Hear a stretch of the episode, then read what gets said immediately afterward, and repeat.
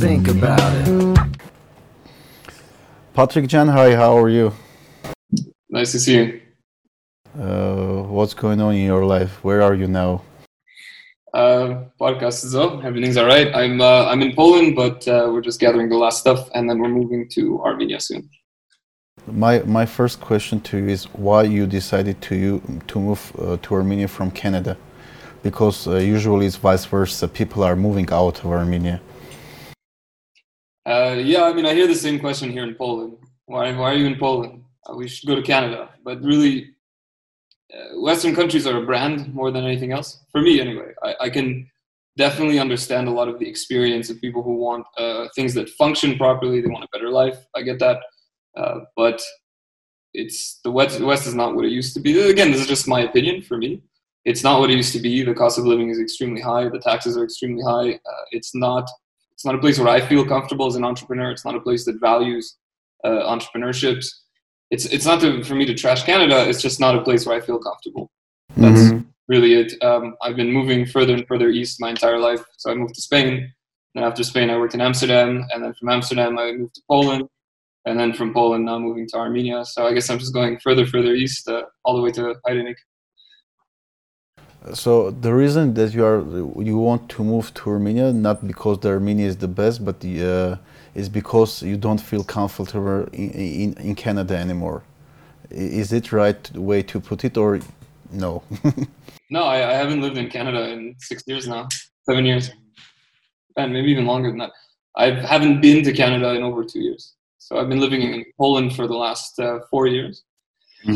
Going back and forth to Armenia, and uh, we just felt um, my wife and I wanted to move to Armenia in general. We're we're planning a family, so we want to have um, like I want my kids to be raised in an Armenian environment, which they wouldn't be able to do here in Poland.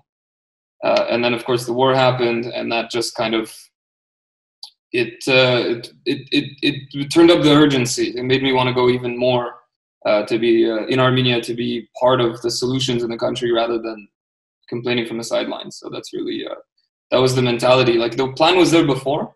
Uh, Armenia's already been an attractive place for us. We always come and we spend you know months on end there, back and forth. It's very close. Uh, as you know, I have family in Armenia. My brother and my my young nephew, my young niece. So I like spending time with them. It, it was already in the cards. It's just that when the war happened, um, the urgency was there. The urgency is there more than before. Uh, and sorry, I, I, I, I, I didn't hear the last part. The connection was bad.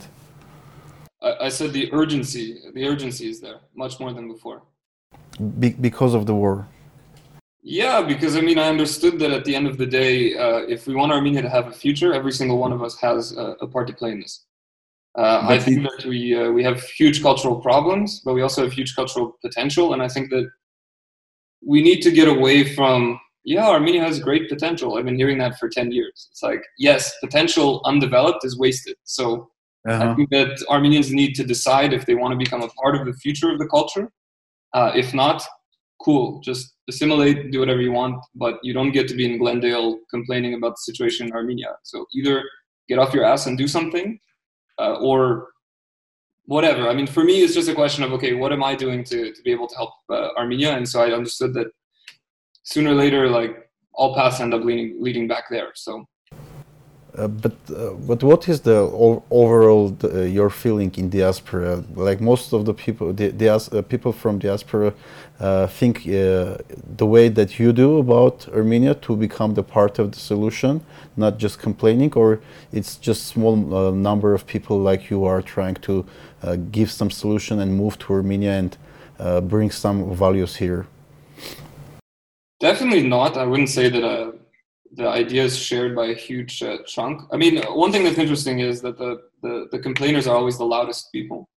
Uh, and there's different ways to help Armenia. There's a lot of diasporans who are doing amazing, amazing work. I'm speaking specifically to uh, the keyboard patriots, as they're called, right? Was it? Uh, Eric Hagopians calls them the, uh, the, the, the keyboard fidain um, my mentality was, you know, you had 44 days to prove how much you loved Armenia, and if you didn't come in those 44 days, it's been four months since the, since the war has ended. There's still refugees to feed. Uh, I know people have spent every single day feeding refugees, housing refugees, rebuilding. uh, if you haven't done it in that time, you don't you don't get to complain. Right? This is for the one percent of the Armenians who are sitting and complaining.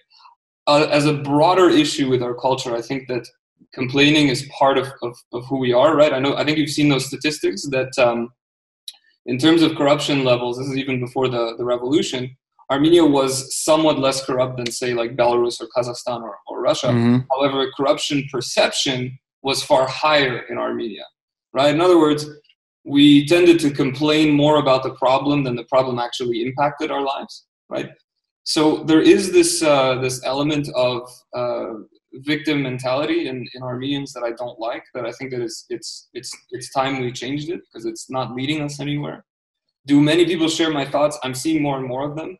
Uh, are people contributing and building, and are more and more Armenians interested in coming? Yes, I've had some people who had zero attachment to Armenia before, right? Who are just Armenian on paper, and all of a sudden they're doing their passport papers. They're going to come at least spend six months there, six months back. Um, but I think one of the biggest reasons also is just Armenia has a PR problem. I think that one of the biggest issues is Armenia doesn't.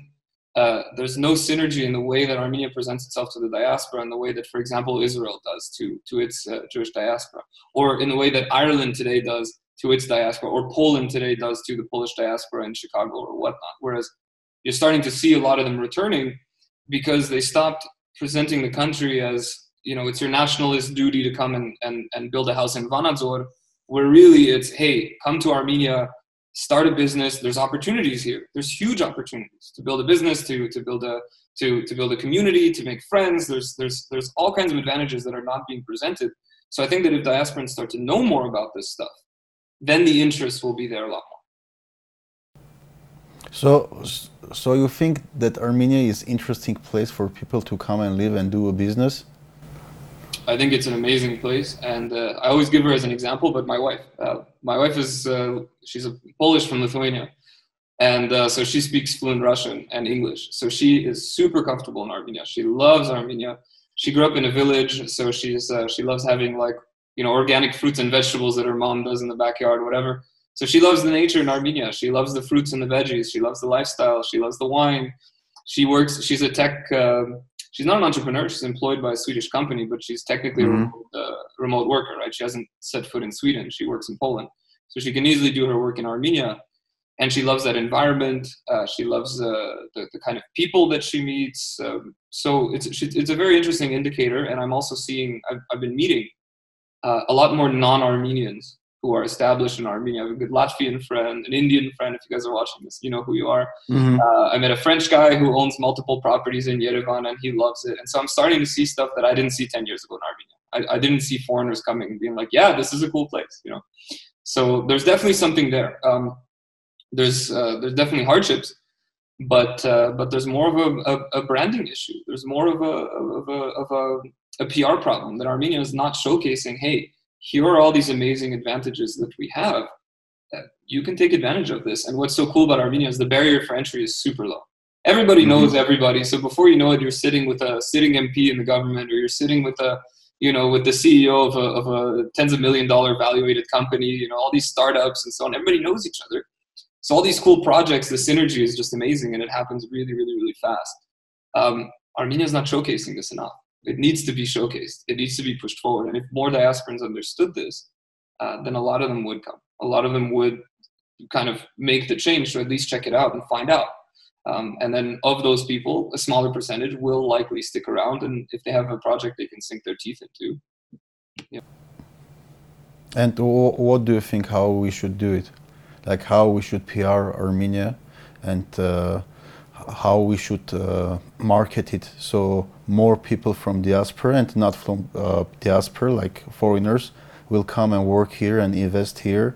And not not only like uh, it's it's it's interesting point that you are bringing like uh, after the covid like covid is not ended but world changed uh, changed a lot. And a lot of people start to work remotely.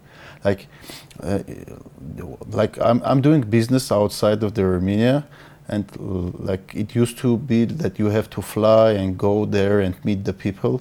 Now there is no need for that and you just can do a zoom call like we are doing it right now and uh, do everything. And a lot of people for a lot of people uh, foreigners not armenians armenia can be a very interesting place to come and work here uh, to the big uh, companies uh, that are not located in armenia and have like quality living here which is much cheaper, for example, than in Silicon Valley, and the quality of food probably much better than there. Yeah, I mean, this is exactly it, right? Is is uh, this is the mindset? Is that if you if you're thinking you're living locally in Armenia, but you're thinking globally, uh, just in terms of the the opportunities, right? I'll give you a very very good example. I have a friend of mine who's um, he's Lipanahai, but born and raised in Montreal. Uh, he had a restaurant. Now I knew him because we used to do sales when we were younger. So we were both in sales and retail. Like we used to work at the mall. We were selling shoes. But he was a great sales guy, very charismatic, like really nice guy. And uh, he opened a restaurant, and then of course COVID happened. So you know, didn't things didn't work out. And he was talking to me recently. He's like burnt out. He's exhausted. He says, "I need a change. I'm tired of Montreal." I said, "Dude, come to Armenia." Mm-hmm. He says, "Well, I went there like eight years ago with Birthright, you know." And I'm like, "Yeah, but it, it's it's not Birthright. It's different." He says, "Okay, but inşbiden hem like like I'm like, you speak fluent French, you speak fluent English. There's tons of multi-million dollar startups or even startups with that kind of potential. If you just show up and be that bridge, you have sales experience. You can just be that bridge, handle their sales, say you'll take 10%, and right, out, right, right away, you can create that bridge that they need to be able to scale. And you can make mm-hmm. a really, really good salary. And the best part is, on top of that, you can live very comfortably in Armenia. Like I said, if you're registered as a self employed professional, you have a 5% turnover tax uh, on your income, which is freaking amazing. If your comp- your your uh, clients are outside of Armenia, so you have foreign earned income, it's a five percent dividends on foreign uh, earned income. Just FYI, for my companies in Latvia, it's twenty percent. Um, mm-hmm. So you get to keep ninety five percent of what you earn, and on top of that, your rent is super cheap, your foods are super cheap. You know, we found Armenian produced olive oil, which was cheaper than regular olive oil. Like we found amazing, amazing stuff under there. And so the point is that you can live a very, very good standard of living for thousand dollars. Mm-hmm. But you, you, you, you think you can live good uh, earning thousand dollars in Armenia? I don't think like anyone would want to earn a thousand dollars. I think everyone should aim to, to earn five, ten, or whatever makes their soul happy. Uh-huh. I, for me, the goal is to create. Uh, this is my long-term goal in Armenia in general: is to create a class of people who are independently wealthy, entrepreneurial mindset, who are uh, who are uh, who take personal responsibility um, because this is again uh, this is what I talked about earlier. Is there's a, there's a collectivism issue with Armenia in that it has helped us in our times of need, but now in our times of uh, of, uh, of strife, uh, it's it's actually harming us because everybody's waiting for someone else to solve our, our problems, and I don't think that is a that is a, a it's a proper way to look at the future of the country. We're all sitting and waiting. I see this. I see all the wonderful suggestions on social media. We should do this. We should do that. I saw under my, my interview on CivilNet, someone's like, you know, I was talking about this exact thing. Come move to Armenia, come live in Yerevan, you can have a great life. And someone's like, uh, Yeval Mergureru not just Yerevan, we should live and repopulate our villages. I go and check, she lives in Montreal. we need to go. I, I don't want to go and live with cows. I'm sorry. I don't want to go and become a villager. If you care about it so much, get off your ass and come and do it. But of course they won't. Why would they? Why would they? Someone else has to preserve Armenia for them, but we're going to stay comfortable. Sorry I'm emotional about this. It does get me uh, upset, but I wouldn't be doing all this if I didn't believe in the future of Armenia. This is why I'm doing this.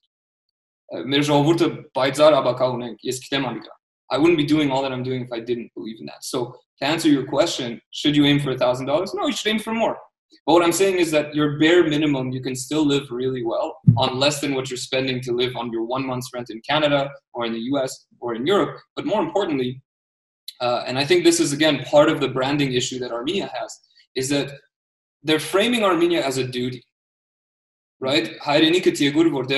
Like this is your this is your hayrenik. You owe it to the hayrenik.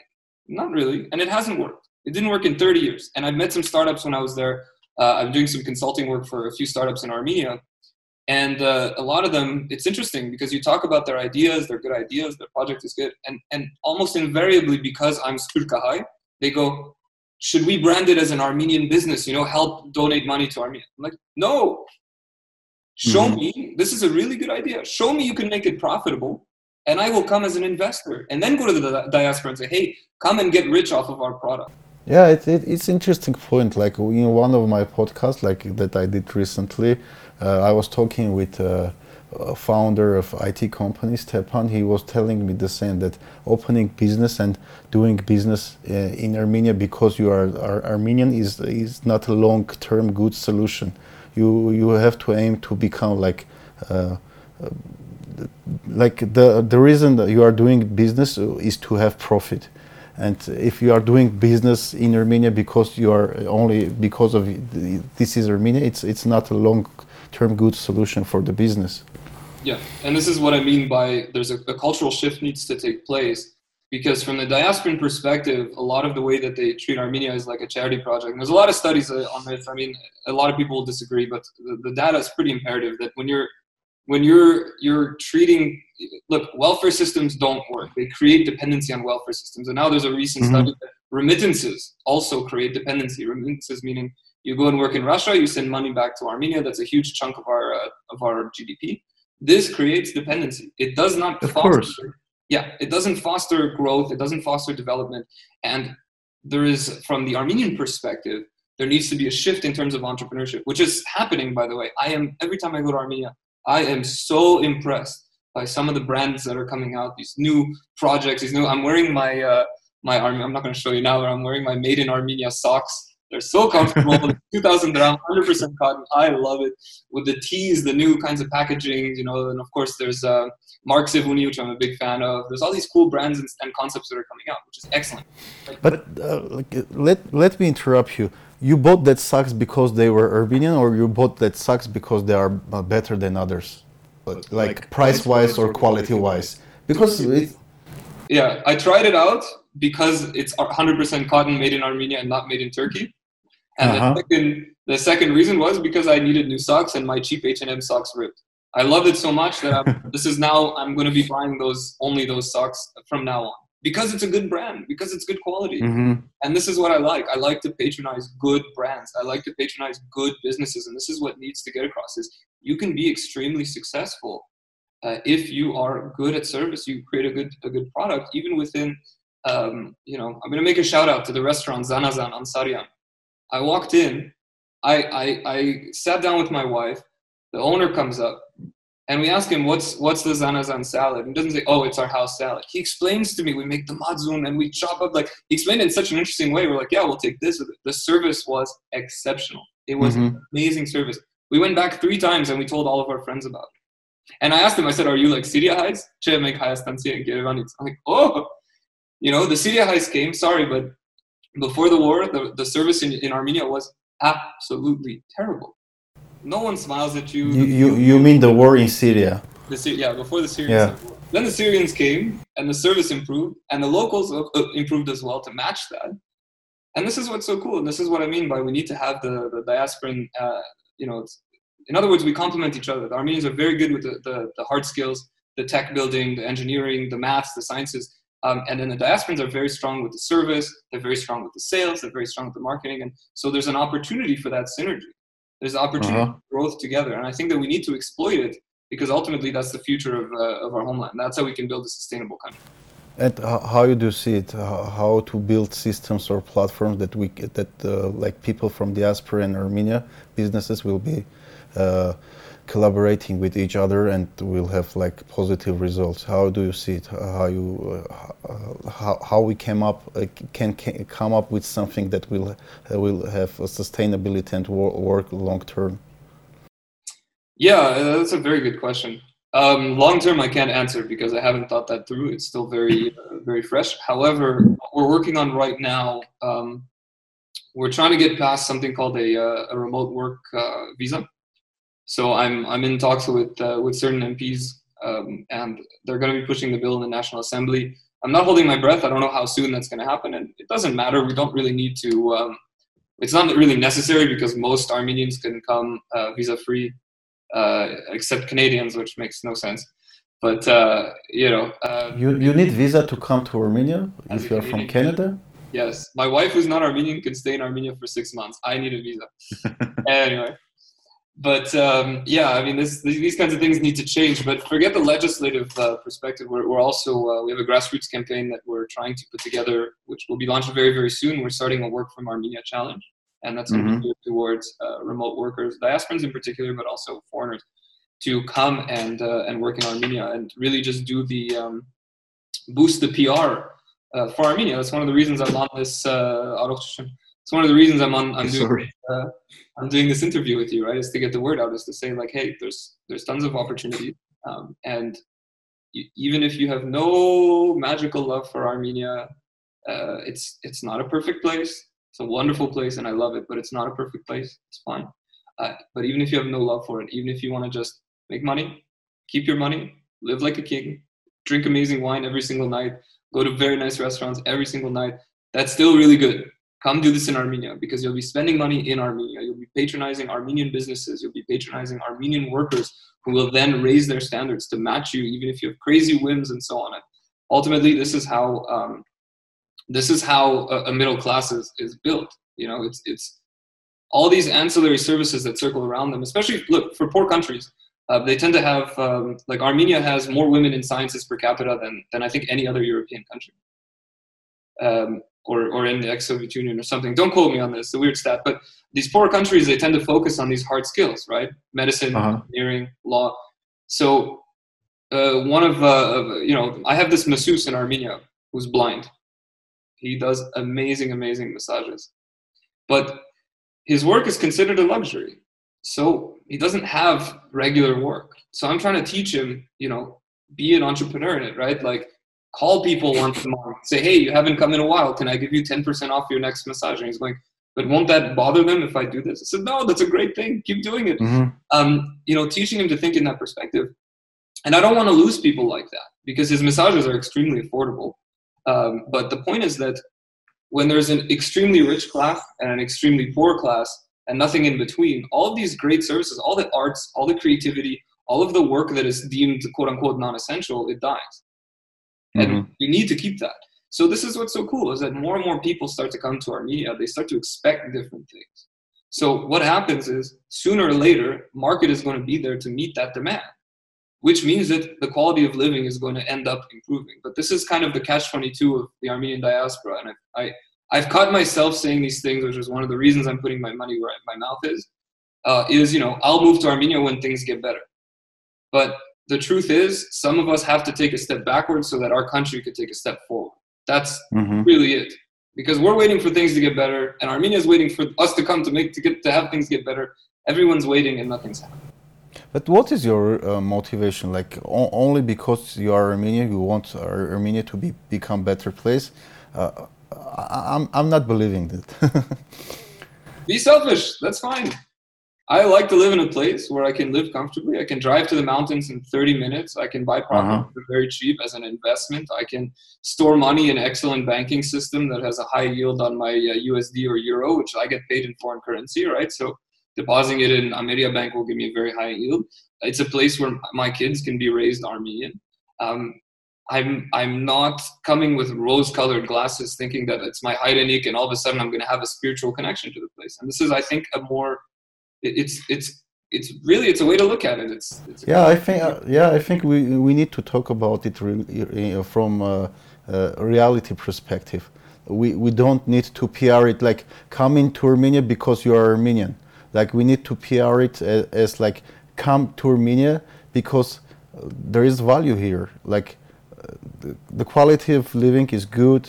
Like uh, we have uh, I don't know good food uh, there are a lot of businesses here. education is uh, getting be better. Like uh, medicine is getting better. Like uh, and it's much cheaper. For example, like uh, a lot of people from diaspora like coming to Armenia to do their uh, teeth because the quality of dentist in Armenia is high and the prices are not as extreme as in Europe or in USA. Like people are coming from Russia to Armenia to do nose job or uh, they are coming to do here to, de- to do their teeth and, and, and, it's, and it's amazing. I, I think we need to talk about more about what the person will get, not uh, like come here because you are Armenian or help uh, Armenia because you are Armenian. Like we need to show that they can create something here, and there is a value here that you can use not only uh, for the community but for your personal uh, benefits. You know what I mean? Yeah, exactly. I, I agree 110%. So if you want to ask me from an emotional standpoint, why did I choose Armenia over Georgia? Because Georgia has certain advantages that Armenia does not. This is this is the God's honest truth. So why did I choose it? Because I'm Armenian and because I want to help my identity. But that's I know that this is a purely emotional thing. okay, it's one one thing. It's one emotional thing, but it's not ready to make a decision like move to another country. It's not a sustainable way to build a life. Exactly. You don't build a plan based on emotion. But from a purely uh, selfish standpoint, as a business owner, as somebody I've done consulting work for multi-million dollar online businesses that are looking for the type of talent that would cost pennies in Armenia. I just hired two Armenians uh, this week, by the way. They're phenomenal. They're excellent. I'm so excited, and I'm mm-hmm. paying them very, very handsomely, and I'm going to keep paying them handsomely because I love them and I want to help good work. Even if they were Filipino, I would have paid them a lot because I like good work. But I think that this mentality of excellence needs to be instilled in Armenians right? For them to understand that the quality. You think we are missing it? Yes, I think so. I think there is a there is a top to tune. There's a little bit of a of a yeah, good enough mentality. It's mm-hmm. not it's not it's by the way it's far far less widespread than when I was there ten years ago. Even less widespread than the first time I set foot in Armenia, which was in 2003. Mm-hmm. Um, I, the country is growing by leaps and bounds. I love it. When I'm pointing out flaws, again, I want to be clear here because uh, as Armenians, we don't like when our, our dirty laundry is, is being uh, exposed. But I, I think that it's very important to acknowledge what our faults are because that means we can improve them. That's a good thing. When we take ownership of our faults, of our mistakes, of our flaws, we go, okay, how can I change certain things? So, yes, I think certain things. Uh, I'll give you one of my favorite examples. Uh, my friends, these uh, Australians, opened a new restaurant on uh, Cascade. And the contractor was doing the staircase, he was doing the corners, he screwed it up, and instead of fixing it, he took a like a melon, like a, a and he just like nergets or cherevi. Yeah. And it, it looks so stupid. And you're thinking like, okay, it's in the stairs, no one is gonna notice. But it doesn't matter because how you do one thing is how you do everything. So if good enough is okay, that's your standard, well, this is where we're going to live. And unfortunately, this is not how you build a successful country. And yes, you can afford to be good enough if you're living next to wonderful neighbors who treat you with respect and whatever. But unfortunately, Armenians and Armenia does not have the luxury of being good enough. We have to be excellent. We've understood this now more than more than ever, right? We cannot afford to be anything less than excellent. Our service sector needs to be excellent. Our industry needs to be excellent. We need to be in the top five countries ease of doing business. We need to be in the top five countries in terms of personal freedom. We need to reach these levels that are excellent so that we can start attracting not just Armenians, but we can start attracting other people uh, who have no interest. And I dare say this is this this is a controversial topic, especially now. And again, from an emotional standpoint, I want to be clear here to everybody watching. I am furious. I watch every video, every atrocity. I'm furious at our neighbors. But uh, a friend of mine who's a CEO of a successful company uh, he was a special forces officer in Kelbajar, and he said something that I, I agree with 100%. He says, Our goal in Armenia is to make Yerevan and Armenia as a whole such an exciting place to work in that even Azeris and Turks are going to want to come and become a part of our startups. They're going to want to work for Armenians. They're going to want to work to become part of our companies because then they're not going to go home and want to kill us. And that's ultimately the only sustainable, successful future we can have as a country to make our place so freaking irresistible that the whole world has a stake in protecting us the next time something like this ever happens. So we need to think in terms of excellence. Nothing else is going to do, unfortunately. But uh, what, in general, like diaspora thinks uh, about opening the borders with our neighbors who are not? I'm not like, the diaspora. I'm just Patrick. Like, what do you think? Then I will uh, rephrase the question again, if you ask me emotionally, like you, uh, you, you said that we need to be uh, such a good place that Azeris and Turks will would like to work here, and uh, if they will like to work here, they will not uh, like want to kill us. Well, what do you think? What do you think Israel does? Why, why do you think Tel Aviv is a party capital? So that these little Saudi princes you know, who are living the the, the halal lifestyle in uh, in Jeddah, they fly over for a weekend. They can get their hookers, they can get drinks, they can party, and then they go back and they go, you know, do I really want to bomb this place where I have such wonderful memories? And look, paid off. Seventy years later, countries who literally wanted to destroy Israel, their entire existence was based on wanting to destroy Israel. One after another are now opening their borders with Israel and normalizing relations. You think Israel isn't going to win long term? I don't mean short term. I don't mean it looks good in the newspaper. I mean short, uh, long term. In the fact that if they have a safe environment, their military expenditure doesn't need to be as high as it is, which means that their country can have better services, which means that they can reallocate certain resources to have a more prosperous uh, and more equal society, if you want to use those terms. Mm-hmm. It's a brilliant strategy that we unfortunately don't have the foresight to adapt. We're just too busy being angry. So right now, should we open the borders? No, because I'm busy being angry. I'm freaking angry. I get that. But in a hundred years, maybe why not? Mm-hmm. Maybe why not? Because I've met multiple Turks here in I can't say the same for Azeris, but I've met some Turks here in Europe. I've met some Turks in Canada. I've taken them to Armenian restaurants. I've had made them eat dolma and lahmacun. Like, oh, it's like my mom used to make. I'm making them see that we have more in common than that that tears us apart. And I hope that someday, because the truth of the matter is that we don't know what the future is going to look like. So I prefer us to have peace between our neighbors so we can focus on getting ourselves off of our knees. But, in 100 uh, years, maybe. Tomorrow, no. Oh, tomorrow, no, but in 100 years, you think it, can, it, it is possible. But another thing about Israel and about the uh, peace, like if you want to have a peace, you need to be the strongest one. Like yeah. Israel, Israel has very strong army. They have like uh, sophisticated uh, new generation of weapons. Like they are like very very strong from uh, force side, from military side, and uh, their neighbor, neighbors are not fighting against them not just because of the fun, but because Israel is strong. They had, and all, they can hurt them they, they almost lost two wars.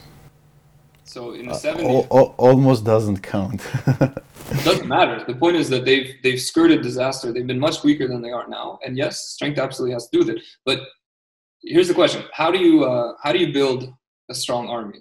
Israel's an you can, study, but so yeah, you, you you can build a strong army when you have a strong economy. I think everybody understands that. How do you build? You cannot you build a strong economy by uh, creating value not only importing but uh, exporting also. Like right now armenia is doesn't have a strong economy because we are importing more goods and we are spending on outs uh, sending more capital outside that they are uh, bringing in.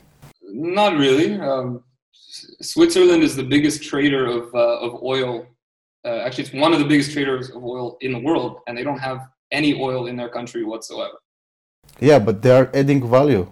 Uh. I, am so saying uh, like export thing. It's it's not a question of real. export export is not only like physical things. You can export uh, software. Fair enough, but again, how how do you create value? Who creates value? Uh, like money and talent, business. create money? Uh, by uh, by like having talented people who are ready to start businesses. Exactly. I, I, I believe that. It's individuals. Individuals create economy. Yeah. Right. Yeah, not not not the governments. I think the businessmen, entrepreneurs are creating economy. Yes. They are creating the businesses, and businesses is adding value. Then they are paying taxes, and then uh, like government can spend the taxes building roads and uh, uh, giving welfare to people who need that. I mean, I, I disagree with a lot of that, but uh, we don't have to go into those those details. But uh, I'm I'm a voluntarist, so forget the welfare stuff. Look, the state's basic function for me, like uh, liberal uh, in general, is to the, the defense of its people, and the state failed to do that. Their only job, and they were unable to do it. So let's forget welfare for a second. Their only job is to protect us, and they're unable to. Like, uh, oh, okay, okay, uh, I agree with you. Like, well, welfare. I need that. Uh, I mean that the people who need social mobile, mobility or the system screw them up. Like, maybe government can help them. Like uh, me personally, I am a believer that you need to create your future, and you need to work hard, and and sweat enough to like become better but there are some people who are because of the environment or some stuff aren't able to do it and uh, maybe their uh, government need to be, to help. But I uh, totally agree with you that the first job of the government is uh, uh, to create safe environment where you can prosper and create. But I think that this is what's so cool about uh, about our culture. To be honest, I, I was watching an interview. can't remember who it was, but this was when the war had just ended, and somebody was was was uh, there was an interview, and the guy was saying, you know, like how how embarrassing pardon me, that you know, we have all these NGOs that are feeding refugees and, and housing refugees and looking, you know, and our government is, you know, is not is nowhere to be seen. And I was thinking like, this is what's so freaking amazing about our culture. Are you kidding me? This is one of our greatest strengths that we're helping each other out. So the people who lack mobility, again, it is it's it's our job as individuals, as, as Armenians, to be doing these kinds of things. It's our job to be helping those who need help. It's our job to be creating these, uh, whether whether it's a charity or whether it's you directly hiring and employing uh, let's say, uh, Armenians with disabilities or, or soldiers who are veterans and who have lost limbs or whatever, giving them jobs, giving them opportunities. Um, and it's far, far more healthy from a, uh, from a mental perspective that you're in charge of your future and you're building value and you're taking that pride. Um, again, back to that massage uh, therapist friend of mine who's blind, you know, he's been struggling with COVID and all that. There's no tourists. So I posted in a group saying, this guy's amazing, give him a call. He had like 10 people calling him and he gave me a call and he was just so thankful you know he's he just he, he's like i don't know how to how to express it and i said like you do good work i'm happy to give your name out you do good work i want you to have more clients right so yeah it's to, it's totally normal like yeah. it's, it's it's it's really good if you are like uh, see something great or someone that doing a great job like you, you should talk about it you should share that information and another thing that I agree with you, like you should not wait for government to do something for you, because government is not creating money or creating value. Like individuals are creating value, and if nobody is doing anything, you will not have a strong economy or strong government. It's it's something that uh, like more people need to understand that government is not creating money and they are not going to help you. The only one that should help you is yourself. Do not expect anything from anybody hundred percent. Uh, I'll even add that I, I, believe that as a general rule. Uh, however, I would say it's twice as true for Armenians. So if anybody's actually interested, there's a there's a an American historian that I really respect. His name is Thomas Sowell. Uh, he's the one who wrote Basic Economics. But he has this other book that's really great. It's called Black Rednecks and White Liberals.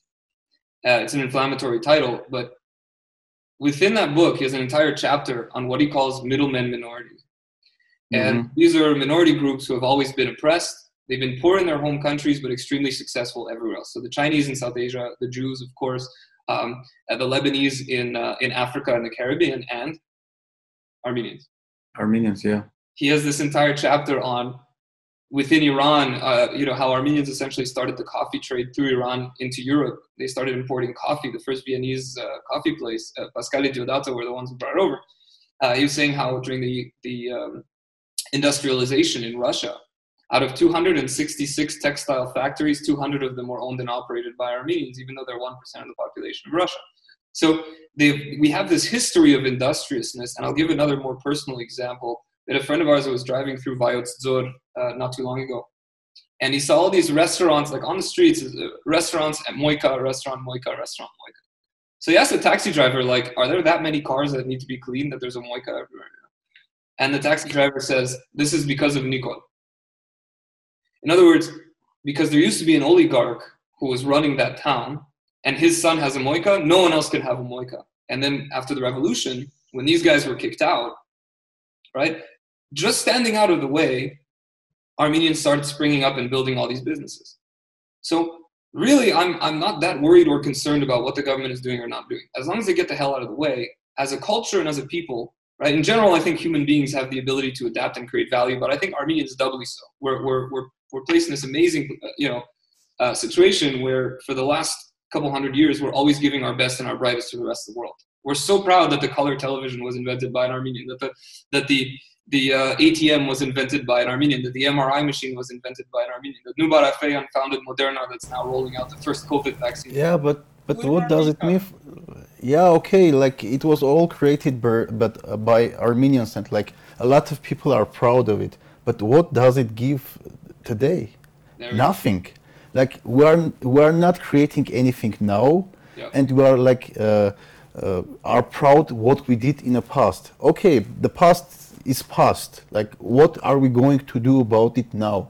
Why we don't have like uh, Armenians in Armenia who are creating that kind of stuff? Like, thanks God, like we have that kind of people right now in Armenia, and the number of that kind of people are growing. But like, we need to talk about it. Like, we don't need to be uh, uh, proud of the past to feel, fulfill today's dreams. We need to create something to uh, fulfill our need of recognition or something like that. Like, do, you- do you know what I mean? Like, we need to do something today and create value and be proud of it, not be proud of the past. Like, it's it's good to to have all that people and to learn about the past, to not make the mistakes, but we need to be proud what we are doing today. Yeah, I agree wholeheartedly. Um, you, you know, you know what turned me off nationalism? Living in Poland. Really? Every year they have um, they have this uh, big like their Independence Day march, and every year there's like hundred thousand people, and they're all they're all like families. They're they're proud Poles. You know, pa- patriotism and nationalism are not the same thing. And I, I really admire I, Poles remind me a lot of Armenians. So that's why I feel comfortable here as well. They're very very similar to Armenians. They're very pro-Armenian. During the war, I was wearing my Defend Yerevan sh- uh, shirt, and everyone was like waving. And Poles love us for some reason, but um. but uh, they're very very similar to us they've suffered a lot the world has abandoned them they have a lot of the similar grievances that we do but the skinheads would start showing up at these events and uh, and the first few years i was like all right whatever and then by the end of it i'm just fed up because i started looking at these people and they always are the they're just they're they're universally underaccomplished and i've understood i stopped and i went holy shit like is this me am i am i going oh armenians were this or that but what am i doing what am I Yeah. contributing to Armenia? What is my Exactly. impact that I'm making now? And again, like I think if, if this is where the cultural shift needs to take place, we need to look at ourselves. I think we talked about this before, but you know, during the war, like same thing. I I grew up. One of my cousins is Greek, and I remember with my Armenian friends, oh man, I love the Greeks, they're good people. Ah, mega Okay, my family's from France, they're Francais. Mega. Okay, mega okay. It's the same story. No one came to help us. No one came to help us. When are we going to learn that no one's freaking coming to help us? Because we're not giving people a reason to come and help us. Mhm. We're the first Christian country. It's been 1,700 years. The world has gone over them. They don't care anymore. What are we offering today in terms of value? Uh, what's it called? Uh, Kuwait got attacked by Saddam Hussein. It's a tiny country invaded by what was at the time the fourth largest army on the planet. Within a few days, the largest coalition since World War II gathered to kick them out and protect their sovereignty. Why? Because Kuwait has oil. If Dubai were to be invaded tomorrow, same reason. Dubai doesn't have oil, but it's a tech, finance, and business capital. So we need to make ourselves so important now, not 100 years ago, not 1,700 years ago, but now. So that if anyone wants to mess with us, everybody has skin in the game. Everybody has a stake in it. And speaking of skin in the game, Armenians need to have skin in the game. Armenians in the diaspora need to start having skin in the game in Armenia itself. I don't care. But how they are going to do it? They don't live in Armenia. They they get their money outside of Armenia. They they have all their values. All their families are outside of Armenia. How they will have a skin a game in skin in a game in Armenia? Uh, I, I, how? Uh, it starts by spending more time there, first of all, because the Armenia that exists in certain diasporans, uh, a certain subgroup of diasporans' mind is not the Armenia that actually exists. Armenia is a real country. Uh, it's, it's, it's not the land of Herosner and uh, Sasnadzerer and, um and um, you know, Vartan Mamikonian. It's a real place today with real people who have very real concerns. Um, it's a place with a lot of problems that need to be worked on and that need to be solved.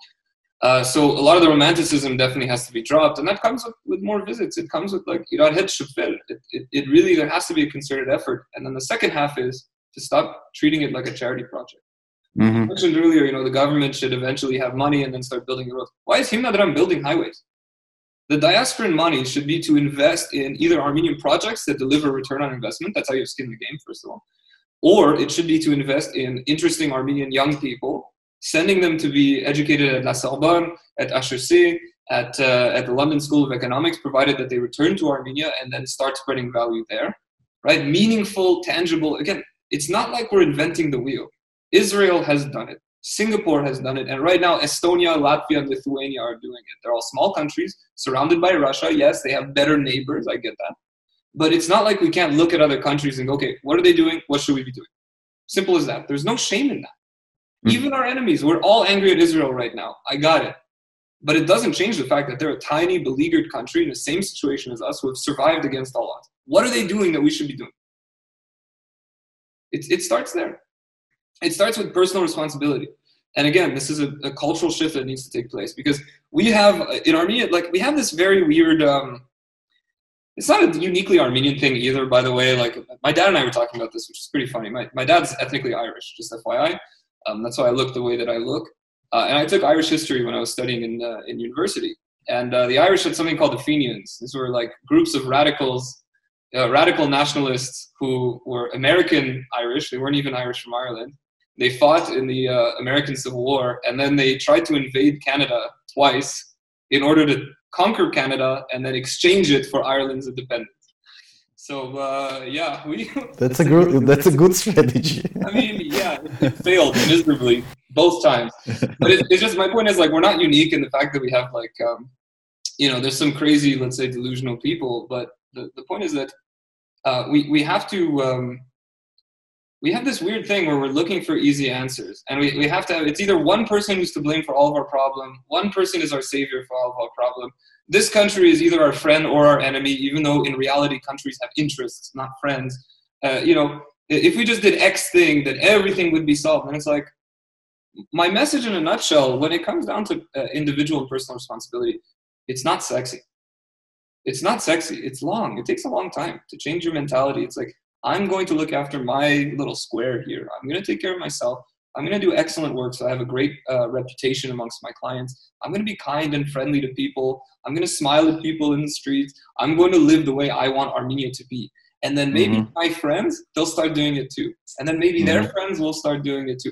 It, it, it, it's not sexy. It takes time. And people don't want this takes time. They want the, the fast shit, right? I think we need to, to get rid of that, uh, that mentality and understand that, look, if you want change, if you want really fast change, it starts with you. To do? Uh, it's, it's, it's like yeah it's like clean up your room before like changing changing the world. The canadian uh, national treasure dr jordan peterson. Jordan yeah, peterson yeah. Exactly exactly. That's I, I started to read his second book. Oh really? Yeah his book is out and it's international bestseller already i'm i am not surprised. The guy is a is an excellent uh, excellent person. But yeah like look at the yeah. Anyway, I, I think that we need we need to really move away from a culture of mediocrity. We need to move away like just you know i'll give you another another really good example. Yeah but you know what what's the problem with that? Like sorry i will interrupt you. That the politicians are exploding uh, that mentality. They are like pushing the idea that you are very good you are talented but you are living poor because of someone else and they are exploding that uh, uh, idea. They are uh, they are using it uh, to get more votes, and and it's not only Armenian thing. It's it's happened everywhere in the world, like in United in United States, in Canada, everywhere is, is the same shit. Yeah, of course. Yeah, man, I I agree uh, wholeheartedly, and. Um, again, another advantage of Armenia is, like I said, everybody knows each other. So if you want to make an impact, you can make it faster, right? You have a larger network quicker than let's say somewhere in Canada where there's 33 million people. Um, however, I don't think these odds are overwhelming. I think that it's a, like you said, Armenia is not unique in that. The way that certain Armenian media uh, organizations do it um, for nefarious reasons and the way that they that they manipulate, like there is a propensity for fake news. I, I have a friend here who hasn't been to Armenia in 30 years, but she assures me that Aliyev swam in one of the general's pools in Shushi. Like they would visit him all the time. I don't know how she knows that. She hasn't been in Armenia in 30 years, but everyone knows something and they're willing to swear it. This is, uh, you know, we have to, um, with young people in particular, uh, we have to move against this culture of anti-intellectualism, like this emotional response to everything. Um, I, th- I, think I think Armenians are not are not taught taught to think. Um, in general, the West is not taught to think anymore either, right? And uh, this is why someone like Jordan Peterson became so popular so fast. That It's like it's like look, just get your shit together and sit down and ask yourself, okay, what are my values? Right? Like this is why Jordan Peterson's message is like so interesting. It's like no one no one teaches kids in school like what the hell do you value? Yeah. You know, how are these your own value? And, and, and I'm it's it's even more challenging in Armenia because we're so strong on the uh, the cohesiveness of our culture, which is fine. I, like I said, it, it's helped us a lot um, in times of, of, of danger, but ultimately it's the, the crazy people who move the culture forward. And again, you want to find the culture who's figured it out? Israel. Israel is mm-hmm. so, you know, you have the radical Orthodox uh, Jews on one side, and you have the super flamboyant, ultra gay, trans, whatever, uh, chilling in the same on the same bus. I'm not saying this is my vision for Armenia, by the way, but my point is that understanding that these dynamics, um, this polarity, is what creates conflict, and in a civilized society, this conflict leads to the creation of new ideas. The more individual liberty there is, the more personal responsibility there is, the more we start to look at, okay, what are my values? What do I want for myself? It might be different than what my parents want. In my case, it's definitely different than what my parents yeah. want. But when we start to live in this way, this is how we start to push the envelope. This is how we start to innovate. This is how we start to put the, the fact that Armenians have been so successful outside of Armenia is because we put ourselves in cultures where we're so different that we had to create commerce in order to, create, to, to gain that kind of respect that we want, to gain the social standing that we want. Um, this this difference, this polarity, is what necessitates innovation. So this introversion that a lot of Armenian culture has, it's actually it's detrimental to us. Um, and so the, the, the diversity that somewhere like Estonia has, because they're right next to Finland and next to Latvia, the diversity that Georgia has, because they have Muslims and they have Westerners coming and so on. So the diaspora needs to fill that void in Armenia. Mm-hmm. And the opportunities are endless. We have Armenians who speak perfect Arabic. Start a business, export to Qatar, UAE. These guys have money they're willing to do. We have Armenians who speak Russian. Start a business, link up with Ukrainian startups or Belarusian startups or Russian or Kazakh startups. We speak perfect French. Do business with France, Belgium, Luxembourg, Switzerland, Quebec.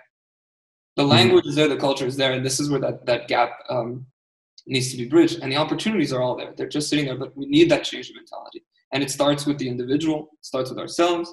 It starts with, yes, clean your room before you try to change Armenia and go, okay, what can I do to create value? What can I do to create some excellence?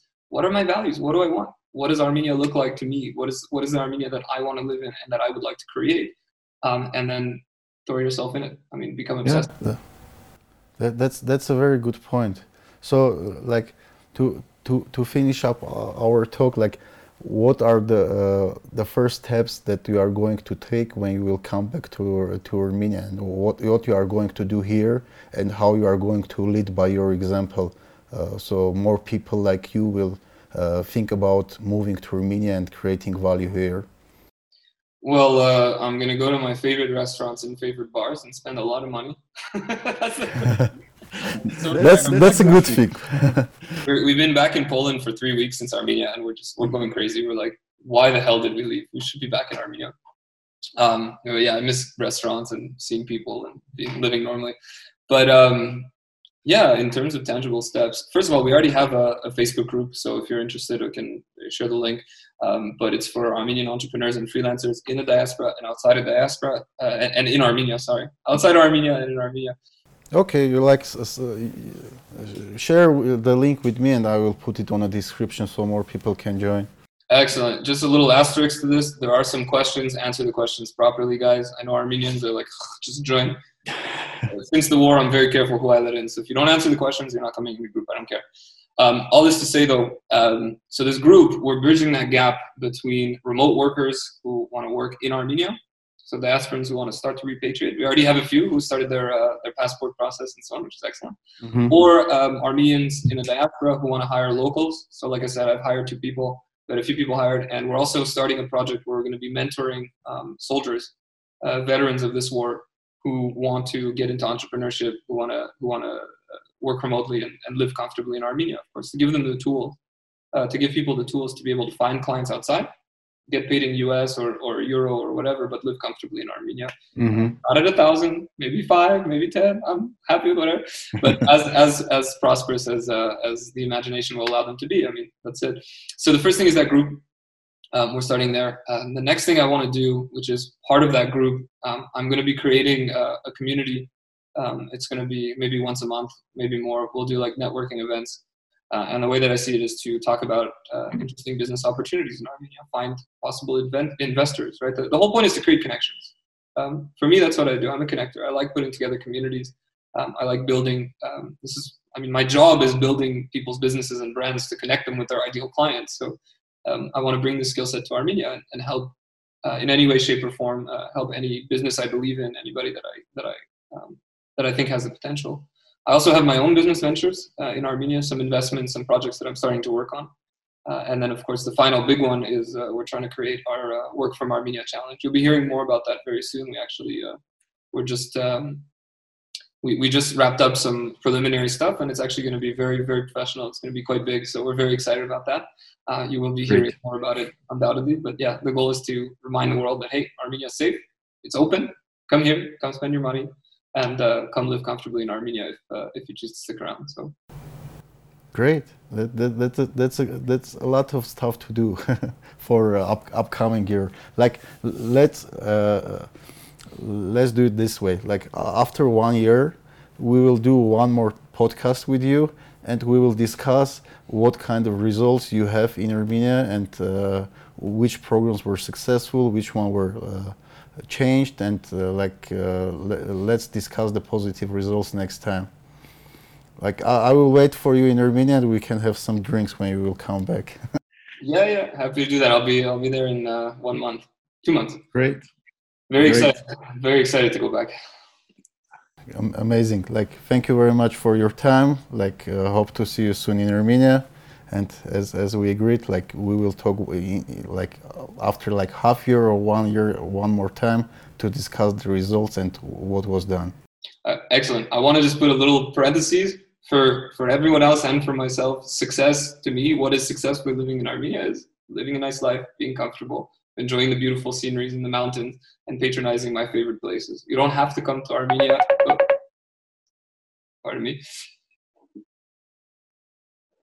yeah, you you don't have to uh, come to Armenia and become some um, some uh, national hero or whatever. All you got to do is just uh, yeah, or or, found uh, or, or or create a billion dollar company. Yeah, just come, do your thing, spend money, live comfortably, and even if you are totally selfish and don't want to help anybody, to give to any charities, you just want to enjoy the lifestyle go and do it, you're still going to be helping. So you're going to be creating value, you're going to be creating money, you're going to be creating wealth for the people who are there. And at the end of the day, that's what matters. So great. Thank you very much. And, and see you soon in Yerevan. See you. Bye. Come on.